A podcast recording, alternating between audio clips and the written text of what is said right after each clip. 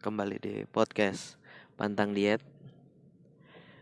Masih membahas The Keto Reset Diet dari penulis Mark Sisson Materi selanjutnya kita bahas cara memulai Keto Reset ini. Langkah pertama adalah mengurangi sampai akhirnya menjauhi karbohidrat seperti tepung dan gula yang bikin kecanduan.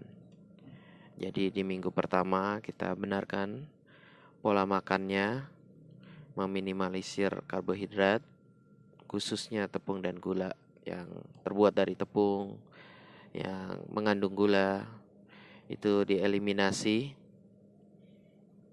Nanti selanjutnya kalau pola makannya sudah dijaga, gaya hidupnya atau lifestyle-nya seperti olahraga mungkin gak terlalu intens dulu sementara masih masa adaptasi karena tubuh masih belum efisien membakar lemak dan keton. Jadi olahraga secukupnya aja tapi harus ada gerakan walaupun gerakan santai seperti jalan kaki. Jangan terlalu banyak duduk supaya lemak darah dan kolesterol darah serta gula darah tidak tinggi, banyak-banyak beraktivitas, tapi harus cukup tidur. Jadi waktu malam jangan sampai kurang tidur, kurangi layar monitor, layar HP, gadget, TV, cahaya lampu juga. Itu semua bisa menstimulasi kita menjadi craving, malah lapar, ingin konsumsi gula atau yang manis-manis. Intinya kurang tidur bisa bikin nafsu makan meningkat dan bikin gemuk.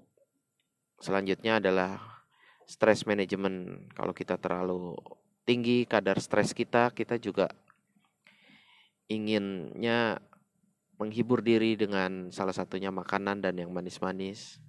Gula juga jadi craving sugar atau sweet karena kita stres yang tinggi. Atasi stres dengan dikelola dengan baik, misalnya dengan self talk atau sering kali kita punya pikiran-pikiran yang negatif thinking atau memikirkan pikiran orang lain, memikirkan masa depan yang belum pasti, belum terjadi, cemas atau masa lalu disesali itu semua harus disadari dan dikembalikan kepada pemikiran yang kekinian di masa kini, di masa sekarang coba disempatkan waktu semenit dua menit untuk relaksasi. Hanya berfokus pada masa kini, pada nafas, pada perasaan, pada momen yang ada kita pejamkan mata sesekali relax atau cari hobi yang membuat kita lupa dengan waktu dan pikiran-pikiran negatif. Misalnya seperti hobi apa main game sedikit atau yoga atau berkebun atau menulis juga bagus untuk melepaskan stres. Membaca juga asal tulisannya tidak terlalu berat. Jadi ada sedikit hiburan. Jangan terlalu banyak pikiran juga. Pikiran yang diulang-ulang di stop lalu coba sadari nafas dan rileks dulu di masa sekarang di saat ini. Jadi setelah pola makan gaya hidup kita atur bagaimana olahraga dan aktivitas, cukup tidur dan manajemen stres. Karena kalau stres yang terlalu berlebihan nantinya malah mengacaukan pola makan juga. Kita jadi mencari-cari hiburan, kesenangan, jadi hormon stres kortisol memicu kita menjadi kecanduan karbohidrat, ketergantungan dengan gula. Begitu juga kalau olahraga yang terlalu intens. Nantinya kalau misalnya kita sudah bisa efisien membakar lemak tubuhnya udah keto adapted, udah menghasilkan keton dan ketonnya digunakan dengan baik, tidak hanya dibuang lewat urin, kita akan bisa menjaga nafsu makan dan menahan lapar agak lama.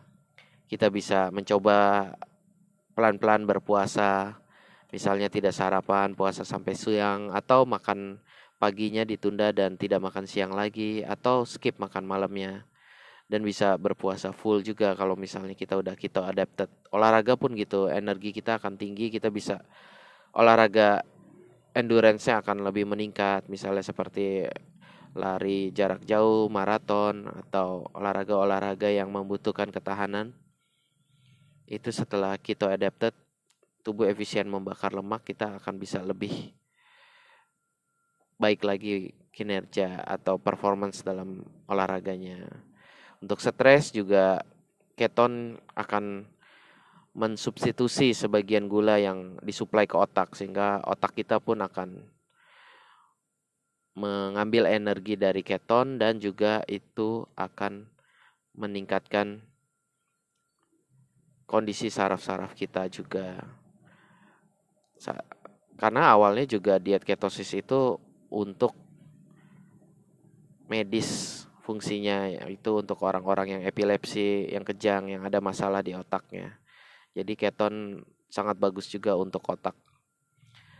Nah, untuk aplikasi selanjutnya kan minggu pertama udah coba-coba kurangi karbo, lalu kita pantang dulu gula dan tepung khususnya yang paling bikin kecanduan. Karbohidrat yang agak menyehatkan masih bisa dikonsumsi seperti sayuran, sedikit buah.